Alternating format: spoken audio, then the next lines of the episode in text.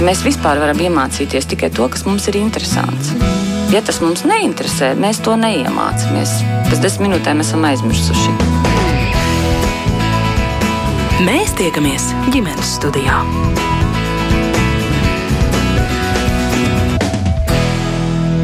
Labdien! Meitiņa bērnārzniece jautā tēti, vai karš būs arī pie mums, mūsu mājā. Protams, teicu, ka nē, tētis tevi vienmēr sargās, bet iekšēji sajūta baismīga. Man meita arī jautāja, kāpēc tur ir tanki un kāpēc viņš šauj uz cilvēkiem. Es raudu. Es runāju ar 23 gadus veco dēlu pa telefonu, apzinos, ka var pienākt tas brīdis, kad viņš ies. Jautājumi mans 14-gadīgās meitas sejā ir vairāk nekā man ir atbilžu. Tie ir daži vecāku ieraksti sociālajos tīklos, bet visi ir par vienu. Bērni ir satraukti, kas notiek, un viņi grib dzirdēt pārliecinošas atbildes no saviem vecākiem un arī citiem pieaugušajiem.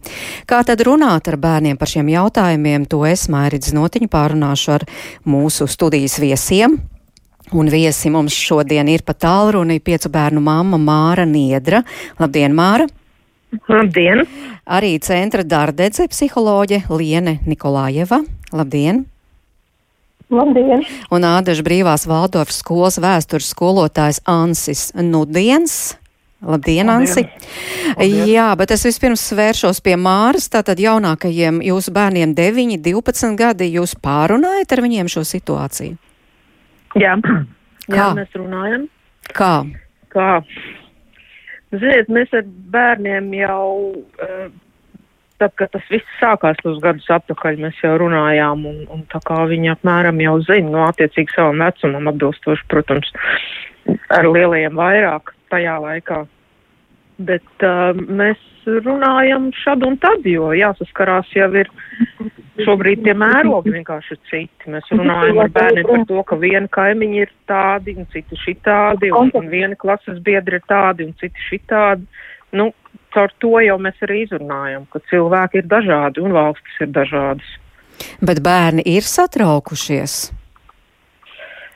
Nu, drīzāk jā. Nu, protams, ka jā. Es nevaru teikt, ka viņi tādi visu laiku uztraukti, jā, bet uh, viņi redz, ka mēs skatāmies tās ziņas, un, un, un viņi jautā, un, un jā, viņi drīzāk, drīzāk satraukti, jā. Es gribu jautāt arī Rīgas 213. pirmskolas izglītības iestādes vadītājai Lienai Jurgenbergai, kura šobrīd arī mums pieslēdzas sarunā, -huh. vai uh, arī bērndārznieka aizējot tur uz dārziņu jautā audzinātājām par to, kas notiek, uh -huh. ko mēs, kā mēs uz šo reaģēsim. Jā, labdien!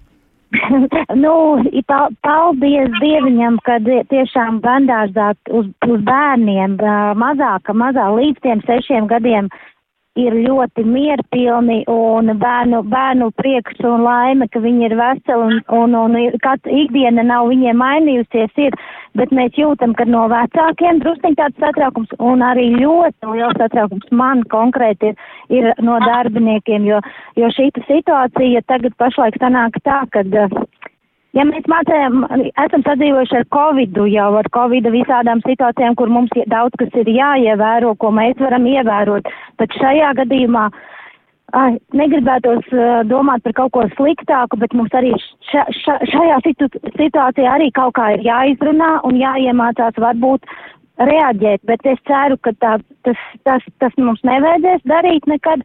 Un, un, un jānomierina ļoti darbinieki, lai viņos paliek miers, lai viņi uh, um, atrod atkal sevī uh, vēlmi pasmaidīt un nesatraukties. Bet jūs esat runājuši ar darbiniekiem, ar audzinātām, nu, ja, piemēram, kā šeit bērndārzieniece jautā, uh, nu, kāpēc uh, tur šauj, kas ir karš, nu, pārunājuši, kā tad audzinātājiem atbildēt?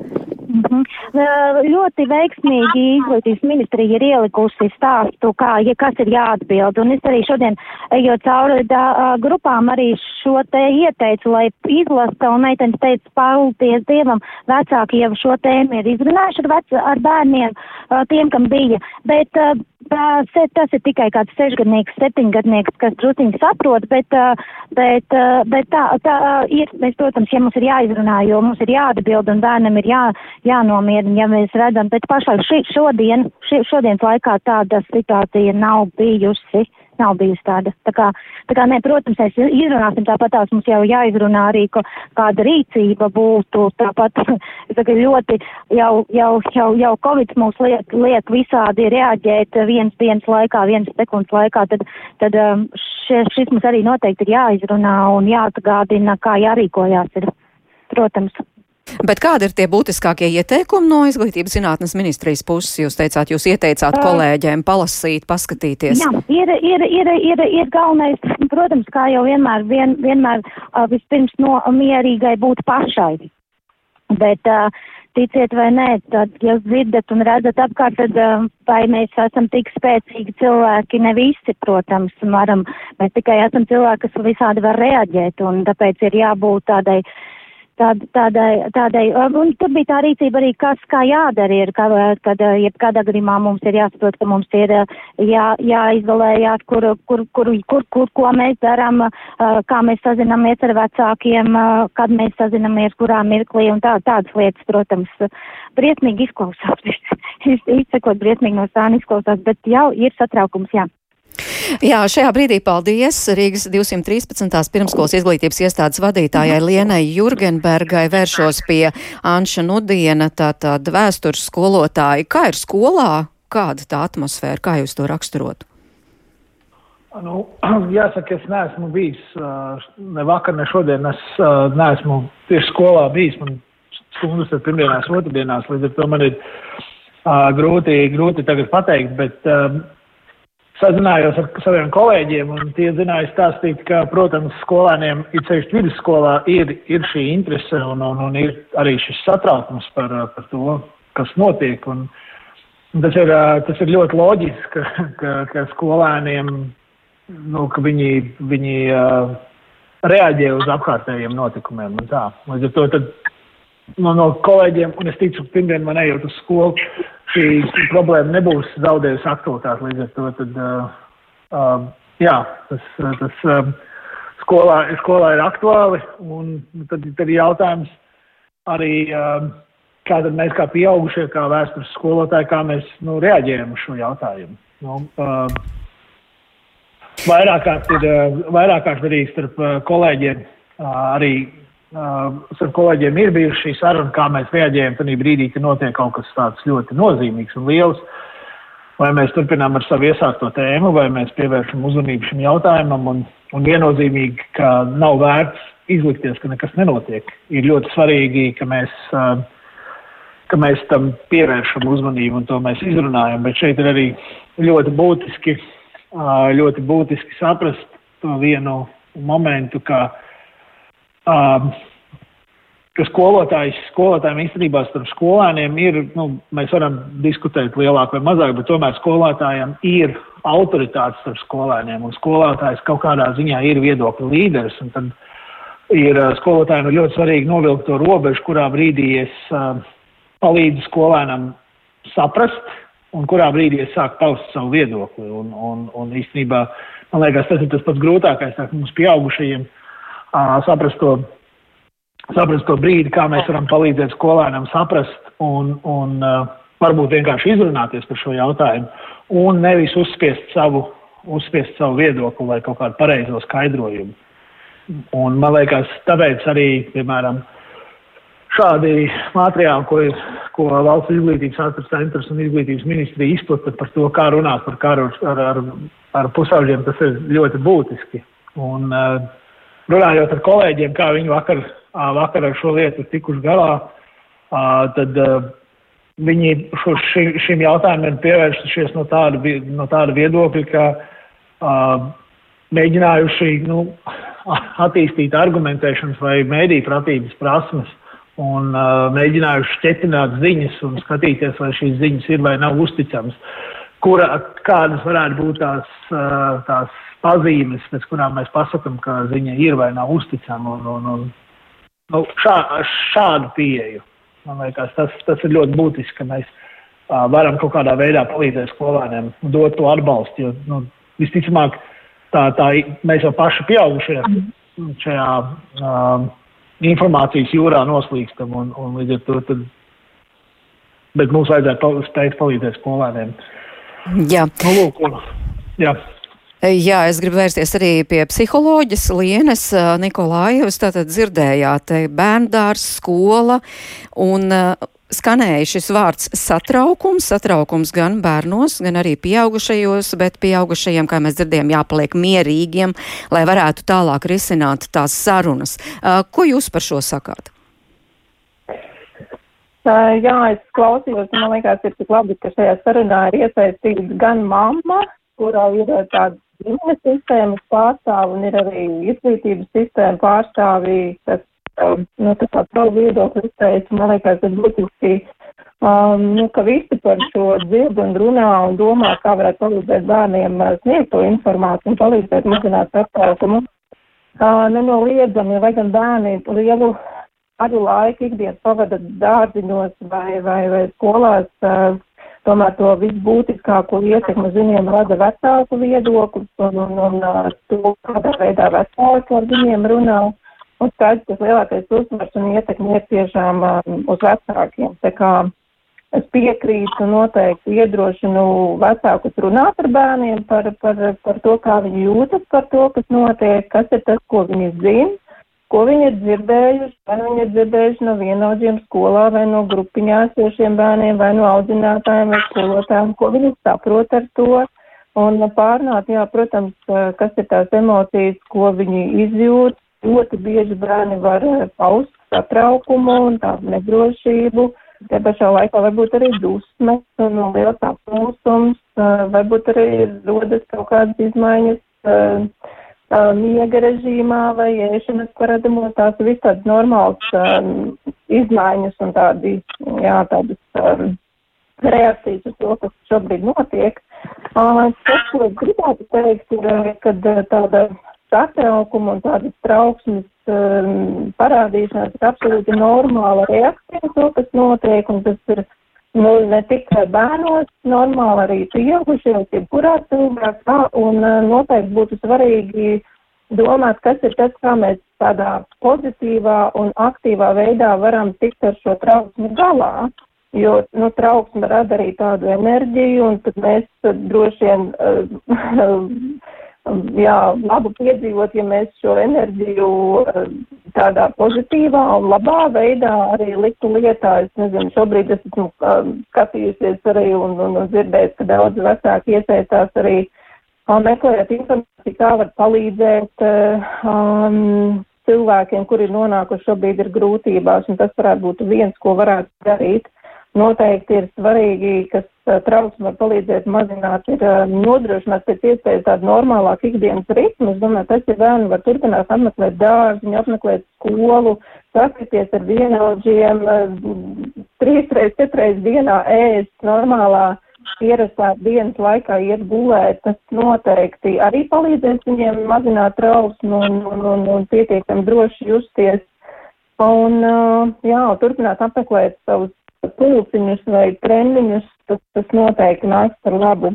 Kas noteikti vēl ir svarīgi, ir tiešām runāt ar bērniem un varbūt vēl līdz šim tāds konkrēts rituāls nav ieviests, es nezinu, pārunāt ikdienas notikumus vai, vai kaut kādas siltākās emocijas, ar to varētu šobrīd ļoti labi arī ieviest, ka katrs vakar arī pārunāt, kas ir tas, kas viņš šobrīd ir, nezinu, vairāk satraucis vai, vai, vai kas ir piedzīvot, varbūt kāds jautājums ir radies.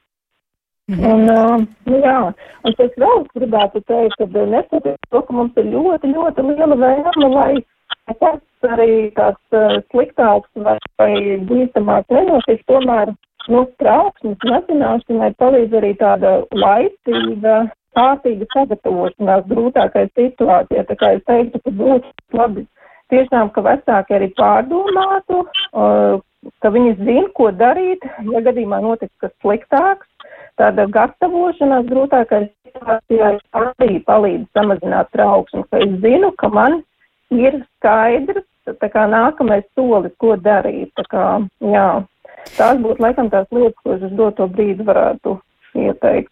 Jā, nu droši vien jāņem vērā, ka tiešām tā saruna ir ar bērnu, ir jāņem vērā viņu vecumu. Nu, piemēram, es atkal soci no sociālajiem tīkliem aizņemos dažādi stāsti, un te uh, raksta arī, piemēram, bērniem mēdz būt laba iztēlu, un viņš uh, tavas izstātīs tās šausmas, vizualizēs un skatīsies kā filmu.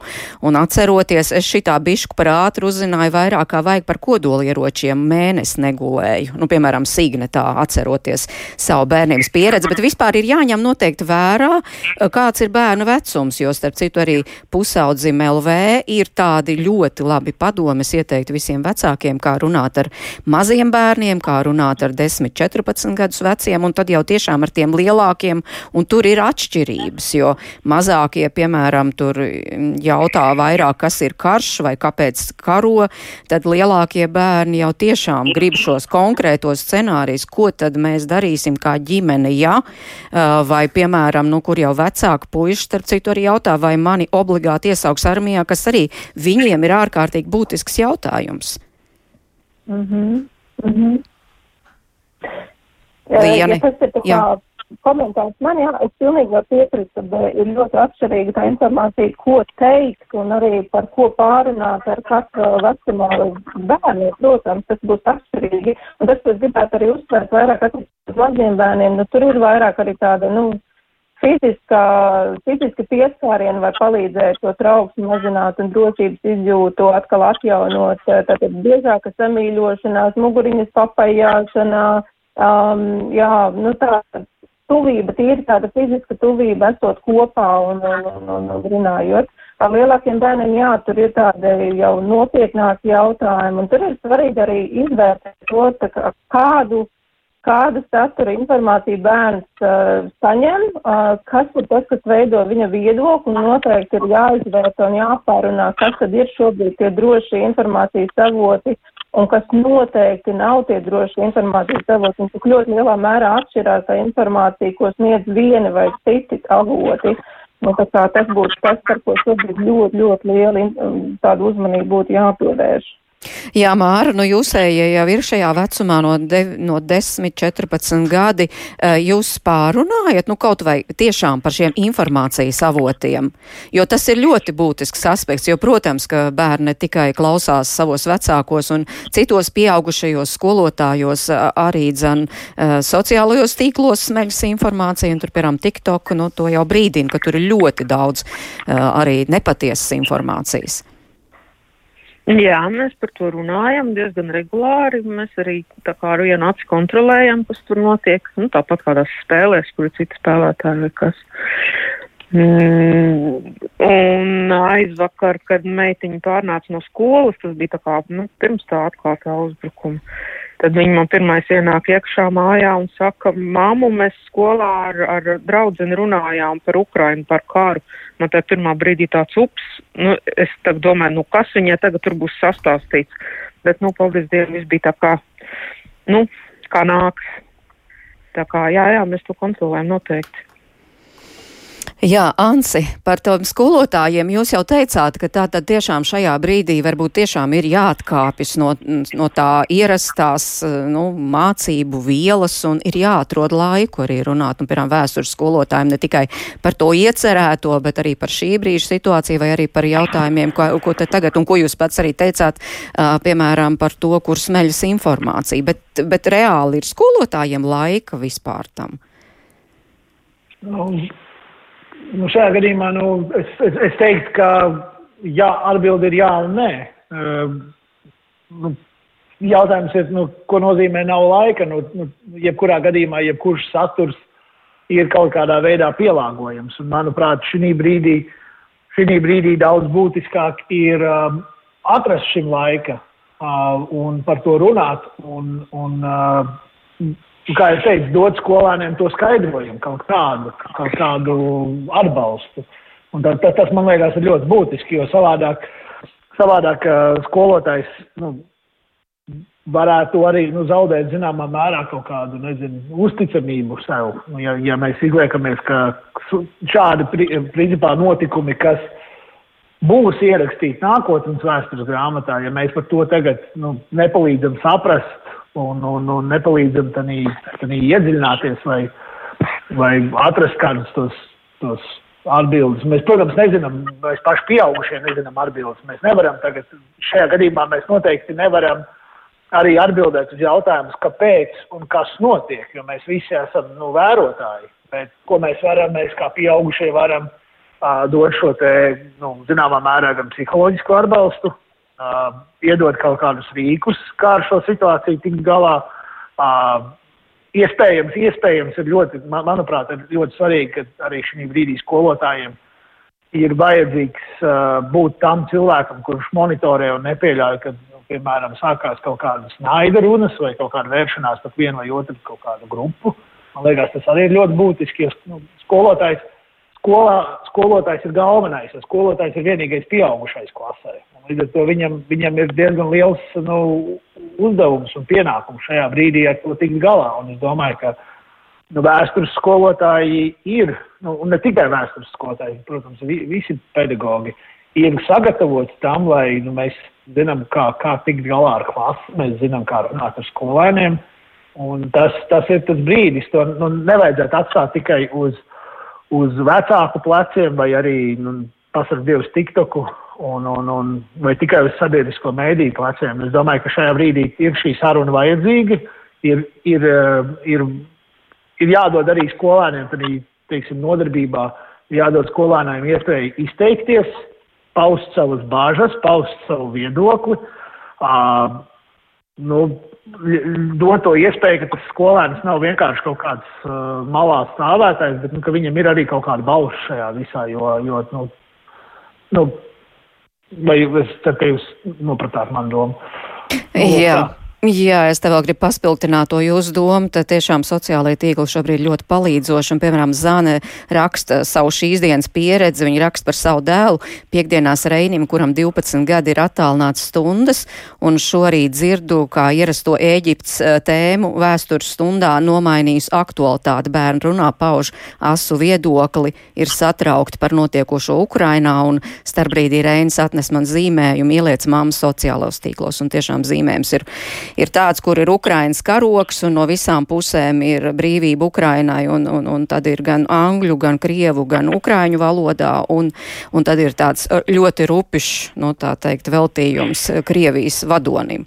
Jā, bet jūs teicāt tā tad izskaidrot un arī, nu tā kā neradīt kaut kādas negatīvas, pārāk negatīvas emocijas pret kādu tautu, piemēram. Jā, jā, jā, jā, un es arī vēl gribēju pieminēt vienu tādu lietu, ka varbūt, nu, nu, vēstur, nu, kā mēs, it sevišķi vēstures skolotāji un vēsturnieki, ir tādi cilvēki, kuriem uzreiz gribās visu baigi skaidrot, nu, un balstīties faktos, un, un, un, protams, fakti ir ļoti svarīgi, bet es nezinu, vai tagad, piemēram, skolēniem šī momentā ļoti palīdzīgs būtu moments, ka es mēģinātu izskaidrot, kā, teiksim, simts gadu iepriekšējās vēstures notikumi noved līdz šim notikumam. Es domāju, ka tāda, nu, kaut kāda ļoti faktoloģiska lekcija, par politekonomiku vai, vai politiskajiem notikumiem, vai tas kaut ko nu, arī skolēniem palīdz. Nu, lai nebūtu nu, tā, ka skolā, skolotājs vienu obligāto tēmu tagad pārtais par citu obligāto tēmu. Man liekas, tas arī ir ļoti svarīgi, ka zināmā mērā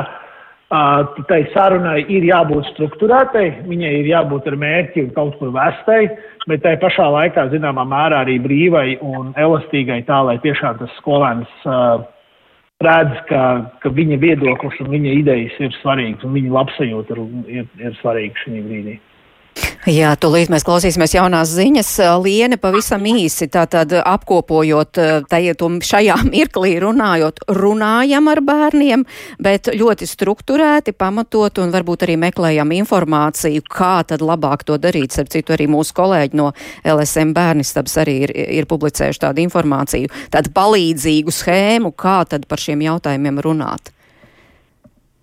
Jā, noteikti runāt. Man liekas, arī būtiski ir, lai tam bērnam to trauksmes izjūtu mazināt. Ir tas, Liene, mums ir pavisam maz, trie dažos vārdos. Jā, tūlīt būs ziņas, jā. Un otrs ir tas, ka nu, apliecināt to drosību par to, ka pieaugušie rūpēsies par viņiem un, un, un darīs visu iespējamo, lai būtu mierīgi un labi un droši. Mēs turpināsim sarunu ģimenes studijā arī pēc ziņām. Mēs tiekamies ģimenes studijā. Un šodien ģimenes studijā runājam par to, kā tad ar bērniem runāt par šo situāciju, par karu un mūsu sarunu Turpinām ar piecbērnu māmu Māru Niedru, arī ar centra dardēdas psiholoģu Lieni Nikolājevu, un es ceru, ka tūlīt mums izdosies sazināties arī ar biedrības grib palīdzēt bēgļiem valdes locekli Eviju Strupišu.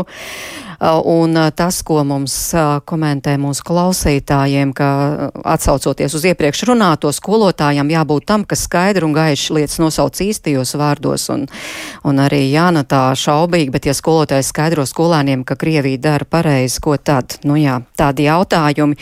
Bet, starp citu, Liene, psiholoģi Liene jau mūsu sarunas pirmajā daļā minēja, ka viena lieta, kā radīt to mieru gan bērnos, gan pieaugušajos, ir kaut ko darīt, tātad aktīvi reaģēt uz šo šo situāciju, un es starp citu arī uh, vakar piketā Rīgā pie Krievijas vēstniecības uh, redzēju televīzijas sižetā, tur stāvēja kāds uh mhm. -huh. puisis, kurš televīzijas žurnālistiem teica, ka nav aizgājis uz skolu, bet pirmo reizi mūžā devies piketēt. Uh, šāda aktīva nostāja, tā arī var radīt mieru, Liene, ja? Piketiem un bērniem piketos, es nezinu, vai es varēšu pilnīgi pateikt, bet uh, tāds izpausmes, kādā veidā var aktīvi rīkoties, ir ļoti, ļoti dažādas. Noteiktiem cilvēkiem noteikti būšana pik piketos palīdzēs, un, nu, lielai daļai cilvēku, uh, nu, jā, viņi var savādākā veidā rīkoties, un, un, un, un jā. Um, jā, Jā, nu, piemēram, Māra, jūs savulaik bijāt viena no Ukrainas konfliktā cietušo atbalsta fondu dibinātājiem. Biju gan, jā. Kā jūs rīkojāties un kā jūsu ģimenei tas, nu, tā teikt, palīdzēja? Nu, maziem bērniem diez vai, bet lieliem bērniem es domāju, ka man rīcība konkrētā, nu, ka tas viņiem palīdzēja, ka viņi redzēja, ka vecāki nevis, nevis panikā tur vicina rokas pa gaisu un, un nezinu, ko darīt un streso, bet vienkārši iet un dara. Ko jūs darījāt to laiku, atceroties? E, Tolaik bija tā, ka e, atbalsta fonds nodarbojās ar e, ievainoto karavīru ārstēšanu šeit Latvijā. Mana darīšana bija vairāk tieši visas uh, sadarbības ar iestādēm, ar valsts ieņēmumu dienestu, par sabiedriskā labuma statusu un tā tālāk. Nu, es vairāk dokumentiem strādāju, atbalstīju Jānis Jān Streļets strādāja tieši ar, ar, ar šiem ievainotiem cilvēkiem, ar viņu ārstēšanu, ar dokumentāciju savukārt, kas attiec uz ārstiem un, un to visu. Mm, jā, bet katrs palīdzīgs šāds uh, žests ir ārkārtīgi svarīgs krīzes situācijās. Jā, jā un jā. ģimenes studija pirms raidījuma sazinājās ar Halinu. Viņa ar ģimeni Latvijā rada mājas 2014. gadā, kad izcēlās karš Austrum Ukrainā, un Halinas ģimene bija spiesta no turienes doties prom, un Halina ģimenes studijai par to, kā ir šādā brīdī doties prom no mājām un kāda līdzcilvēku palīdzība šādā brīdī visvairāk ir nepieciešama. Jā, mēs atbraucam, es, vīru, un mums bija divi bērni, mazi divi gadi un četri gadi bija bērniem. Mums bija jārūpēties par viņu drošību un uh, bija pieņemt tad lēmums, nu, aizbraukt no mājas, atstāt tur visu, ko mums bija. Tas bija visgrūtākais. Nu, bija ļoti, ļoti slikti, nu, mora, morāļna, nu kā sajūta bija slikta. Vissliktākajā bija grūti atbraukt, bet mēs paspējām atbraukt no turienes. Nu, bet jau nebija droši, kad mēs aizbraucam. Un pēc tam bija grūti nu, dzīvot bez rādnieku, un rādnieki visi palika tur. Nu. Kā bērni? Bērniem bija labi, normāli. Latvijā nu, viņa sākā apmeklēt bērnu dārzā, pēc tam skolu. Bērniem bija normāli. Bērni adaptējas un viņi jau domā, ka nu, Latvija viņas valsts un viņi jau nu, tā, netā labi atceros, kā viņi tur dzīvoja. Ne, protams, mēs par to runājam un mēs uh, katru gadu braucam pie rādnieka. Vi, viņi visi zina bet viņam Latvijā labi. Bet kas jums visvairāk palīdzēja to brīdi, nu, tajā grūtajā situācijā? Mums bija sāk, nu, kad es uh, domāju par to, ko mums dara, tāpēc, ka, nu, nekad nebija neviens tāda situācija. Mēs uh, lasījām internetā, ko darīt, ja? Un mēs atrodam slidinājumu, kur uh, mīlīgi cilvēki no Latvijas uh, uzrakstīja internetā par to, ka viņi var, nu, var uh, palīdzēt uh, ģimenei no Ukrainas un uh, var pie viņas padzīvot kādu laiku, varbūt viņi palīdzēja atrast darbu. Ļoti labi cilvēki. Viņam ir sava firma Lafruta, tur bija Igor Biežans un Olga Biežana. Un mēs iepazīstamies internetā un tā neviens, nevienu re, reizi nebijuši agrāk Latvijā un ne, neredzēja šeit neviena cilvēka. Mēs iebraucam turēņi. Viņi palīdzēja mums ar dokumentiem. Mhm. Uh, un mēs dzīvojam pirmos uh, dažus mēnešus pie viņas, viņa dzīvoklī.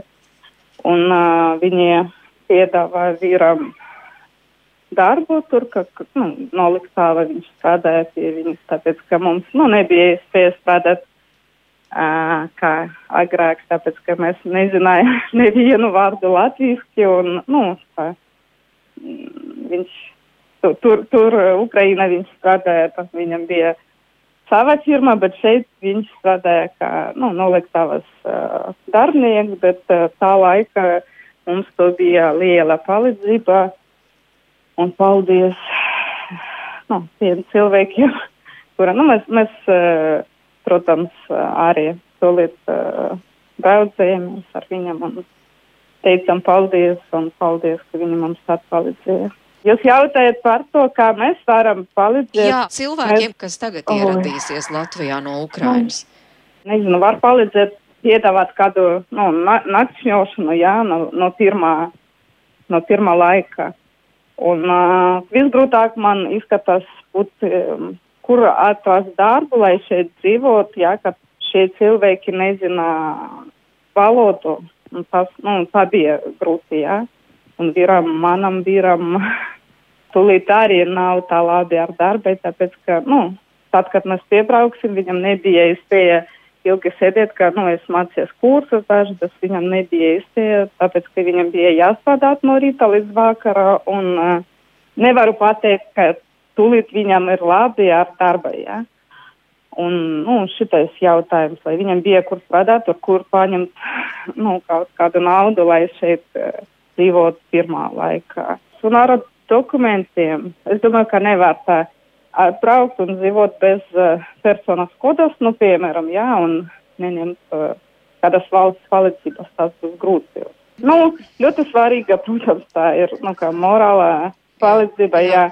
Nu, tā ir. Diemžēl, lai dzīvot, nu, un dot ēdienu bērniem un savai ģimenei. Tā, nu, tikai tādai palīdzībai nevar palīdzēt. Jā.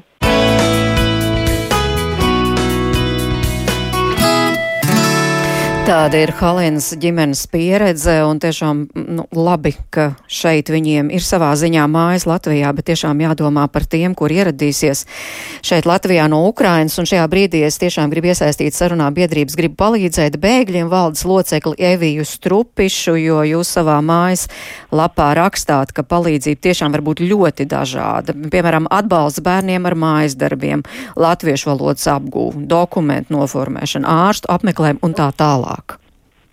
Evija. Jā, labdien! Labdien! Uh, protams, šī palīdzība var būt ļoti dažāda, taču jāsaprot, ka šajā krīzes situācijā primāri tieši šodien tā ir pamatvajadzība nodrošināšana, kas ir nepieciešama. Tātad tā ir pajumta, ēdiens un uh, pirmās nepieciešamības preces. Nu, šeit mēs dzirdējām tiešām tādu Halīnas stāstu. Viņa teica, jā, atradās ģimene, kuru vienkārši teica, jā, lūdzu, nāciet, padzīvojiet mūsu mājā, kamēr mēs visu nokārtosim. Vai, vai šajā tiešām satraucošajā krīzes situācijā arī šāds variants ir iespējams? Jā, visnotaļ. Mēs vakardien pusnaktī izveidojām un publicējām anketu, kur vietējie iedzīvotāji var pieteikt gan savu brīvprātīgo darbu, bērnu palīdzību saistībā ar nodarbinātību, kā arī savus mājokļus, kuros viņi būtu gatavi uzņemt cilvēkus. Un jāsaka, ka atsaucība tiešām ir neticami liela. Mēs esam priecīgi un ļoti lepni par mūsu līdzcilvēkiem, kuri tiešām vēlas palīdzēt karas kartajiem Ukrainas iedzīvotājiem, kur ieradīsies Latvijā. Nu, bet ko tas nozīmē? Tā tikai jāpiesakās, jāsaka, jā, mēs esam gatavi palīdzēt. Jā, tātad mēs šos datus uzkrājam, kad tiek aizpildīta anketa, un tad, kad ir nepieciešamība kaut kādā konkrētā reģionā vai vispār izmitināt kādu ģimeni, mēs sazinamies ar cilvēkiem, kuri ir minējuši, ka spēj nodrošināt mājokli, un tad vienojamies par to, ka šī ģimene tiek uzņemta.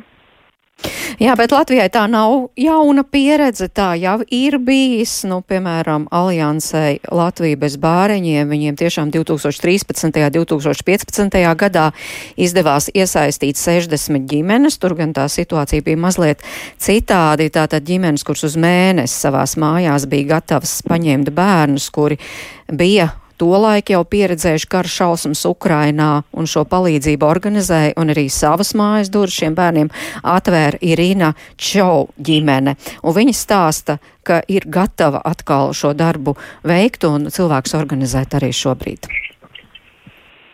Jā, tātad mēs esam mēģinājuši maksimāli daudz arī civilā, tātad pilsoniskā sektora pārstāvis apzināt, Ja tomēr esam kādu aizmirsuši arī aizpildot šo te anketu, ir iespējams pieteikties arī organizācijām un uzņēmumiem, kar, kur var norādīt savas iespējas atbalstīt šos cilvēkus.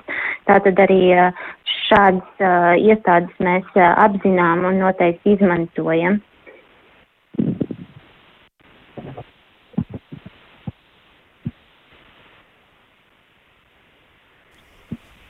Mēs klausāmies Irinas stāstu? Mums dzīvoja viena meitene, vienu mēnesi. Viņa arī ar visiem pārējiem bērniem piedalījās pasākumos, jo mēs organizējam viņam pasākumus dažādus, lai viņam ir ne tikai interesanti, bet tie arī bija izglītojuši pasākumi, lai viņi var nedaudz vismaz no tā attiet, no tā kara, jā, no tām problēmām, jā, jo mērķis bija viņam parādīt, ka var dzīvot bez kara un uh, nu, bišķi, lai viņi attiec no tāda saspringumā. Tolaik jūs teicāt bērniem, kuri piedzīvojuši karu, izveidojas upuru psiholoģija. Droši vien, ka jūs arī par to pārliecinājāties, ka šie bērni jau citādi uztver pasauli.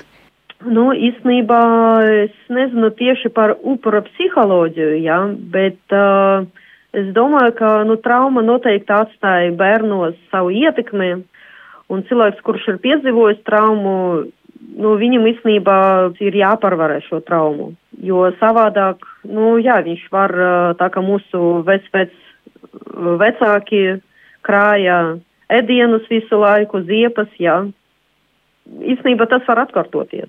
Šis brīdis ir vēl traģiskāks nekā bija toreiz. Kā jūs redzat, kā varētu iesaistīties un palīdzēt Latvijas sabiedrība? Īsnībā es jau sazinājos ar partneriem Ukrainā, un uh, pateicu par savu gatavību atkal uzsākt uh, nu, jauno šo projektu, kuru mēs uh, vadījām, tad organizējam dažus gadus atpakaļ. Un, uh, nu, mēs kā ģimene esam gatavi arī uzņemt uh, bērnus, un uh, es domāju, ka sabiedrība īstenībā arī ir gatava, jo es saņēmu jau diezgan daudz zvanus, kad cilvēki gaida no manam informāciju, ka viņi ir gatavi gatavi iesaistīties un gatavi uzņemt cilvēkus. Un tāpēc uz doto brīdi es arī gaidu informācijas no Ukrainas partneriem. Nu, viņi tagad ir tādā šoka stadijā un neviens nezin, kā rīkoties.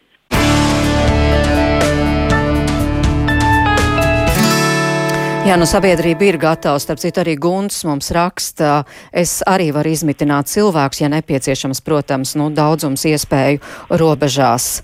Bet Liene šeit pieminēja, nu tiešām šie bērni, nu, viņi jau būs piedzīvojuši ļoti lielu stresu, pārdzīvojumu, ar to laikam ir jārēķinās, vai ne? Runājot par, par bērniem, kas kā, būs dēguši no kara zonas vai mūsu bērniem, par kuriem mēs, ar, ar kuriem mēs runājam? Par... Nē, nē, bērniem, kuri būs bēguši. Mēs šobrīd runājam par tiem, kuri tad mm -hmm. bēg no kara zonas, jā.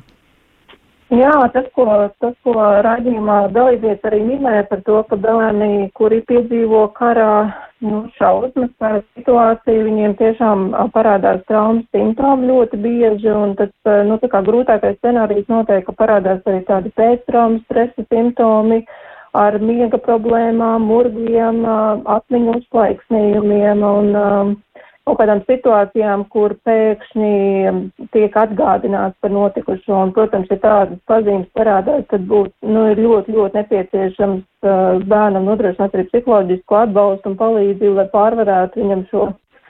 Uh, Jā, pār, palīdzētu pārvarēt transporta pieredzi, uh, jo tā traucē normāli funkciju funkcionēt un tikt dzīvē uz priekšu. Visu laiku mums sanāk tā, tā tas iedzīvotājs um, tā kā atgādina un um, neļauj, neļauj dzīvot uz priekšu. Um, jā, tas, tas noteikti būtu, tā kā apzināties to, ka bērns viens pats nevar ar to tik galā un kad ir noteikti jāmeklē arī psiholoģiski atbalsts, lai, lai bērnam to palīdzētu. Un kas noteikti ir svarīgi, ka bērnam šobrīd jau ir kāds pieaugušais, kurš gan rūpes par viņu, kurš par viņu rūpējās, gādā par viņā, gan par pamatvajadzībām, gan par emocionālajām vajadzībām, ka ir kāds cilvēks, kas būs arī gatavs viņam stāvēt klāt un, un palīdzēt pārvērt šo traumatisko pieredzi. Tā kā noteikti neatstāt bērnu vienu pašu un meklēt, kas tad būs tas cilvēks, kas par viņu gādās un rūpēsies. Nu jā, tā kā šobrīd tiešām jādomā par tādu plašu palīdzības spektru, gan šī morālā palīdzība, gan arī tāda tīra materiālā māra. Jūs arī šajā situācijā esat ar savu ģimeni, esat gatavi iesaistīties aktīvi un kaut kādā veidā palīdzēt? Mēs par to vēl domājam. Nu, ziedot jau, vai mēs jau esam noziedojuši, bet tāda konkrēta, konkrēta ideja vēl nav. Jāsaka, ka, nu, tas šoks vēl ir bišķiņ jāpārvar. Nu, bet, piemēram, tāda, tāda palīdzība, kā atvērt savus mājas durvis. Nu, mums māja ir maza un bērnu daudz, kā nu, katram savas iespējas. Ja mums būtu iespējas, mēs noteikti to darītu, jā. Evija, ko jūs šeit gribētu piebilst? Jā, kā jau minēju, tiešām tā cilvēka atsaucība ir milzīga un šobrīd jau cilvēki tiešām sāks uzņemt uh, Ukraiņu ģimenes šajā. Un arī vēlējos piebilst, ka koordinējamies arī ar uh, savus bērnu dienestiem, kuri ir apzinājuši arī ģimenes, kuras, kurās šobrīd auģu ģimenes, kurās šobrīd ir uh, iespēja uzņemt bērnus. Nu, bet ko jūs vēl ieteiktu tām ģimenēm, kuras, kā Māra teica, mēs vēl par to domājam? Jā, tiešām ir šis palīdzības, ziedojuma palīdzības tālrunis, ko piedāvā eh, Ziedot LV. Ko jūs tādu reālu vēl šajā brīdī ieteiktu, kā varētu iesaistīties? Pirmkārt, jau tāda globāla iesaistīšanās, pirmkārt, eh, pirmkārt eh, pārdomāt tiešām savas iespējas, realistiski, kas ir tas, ko jūs varat piedāvāt, vai tas ir uh, brīvprātīgais darbs, tātad veltīt savu laiku, vai tas ir iespēja tiešām izmitināt kādu kaut vai uz īsāku periodu, lai šie cilvēki varētu atgūties šeit Latvijā. Un, uh, ja tas ir iespējams, tad tiešām lūdzam aizpildīt šo anketu, kur esam izplatījuši savos sociālajos tīklos un ko var sasniegt lietojot adresi e.uz slīpsvītra atbalsts cilvēkiem no Ukrainas. Un Liene, ar to tas jau izskanēja mūsu raidījuma laikā, bet tomēr es gribu, lai jūs vēlreiz atgādinātu šo, kas, lai cik tas paradoxāli arī neizklausītos, tomēr šāda aktīva mhm. līdzdalība tā savā ziņā ir arī palīdzoša mums pašiem šeit Latvijā, un ka tas var dot to mieru.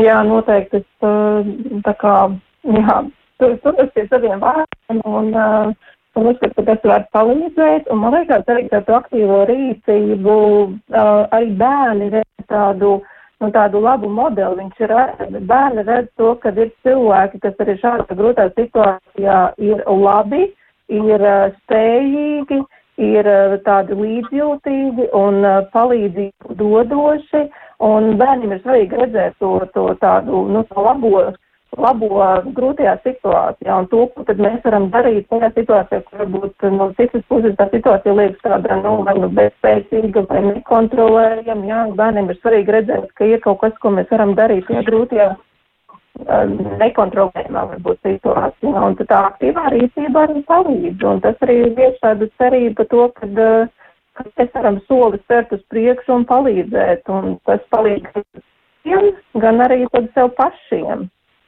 Nu, tā kā Jā. gan runāt, gan darīt. Tā varētu teikt, vai ne? Gan runāt un darīt, jā. Es paldies šajā brīdī saku mūsu studijas viešņām, tātad Mārai Niedrai. Paldies par jūsu piedalīšanos un jūsu ģimenes pieredzi. Paldies Centra Dardets psiholoģijai Lienai Nikolājevai un paldies arī biedrības grib palīdzēt bēgļiem valdes loceklai Evitai Strupešai un paldies arī tiem uh, mūsu aktīvajiem klausītājiem, kuri arī interesējas un grib zināt, kā tad varētu palīdzēt, kā varētu pieteikties, mēs noteikti ar jums arī sazināsimies. Un raidījuma producenti Ilza Zvaigzne un Gulbe pie skaņu pulces mēridz notiņu pie mikrofona un atgādinu, ka klausieties ģimenes studiju arī podkāstos un meklējot ieteikumus LSM vecāki un bērni. Paldies un lai jums labs dienas turpinājums!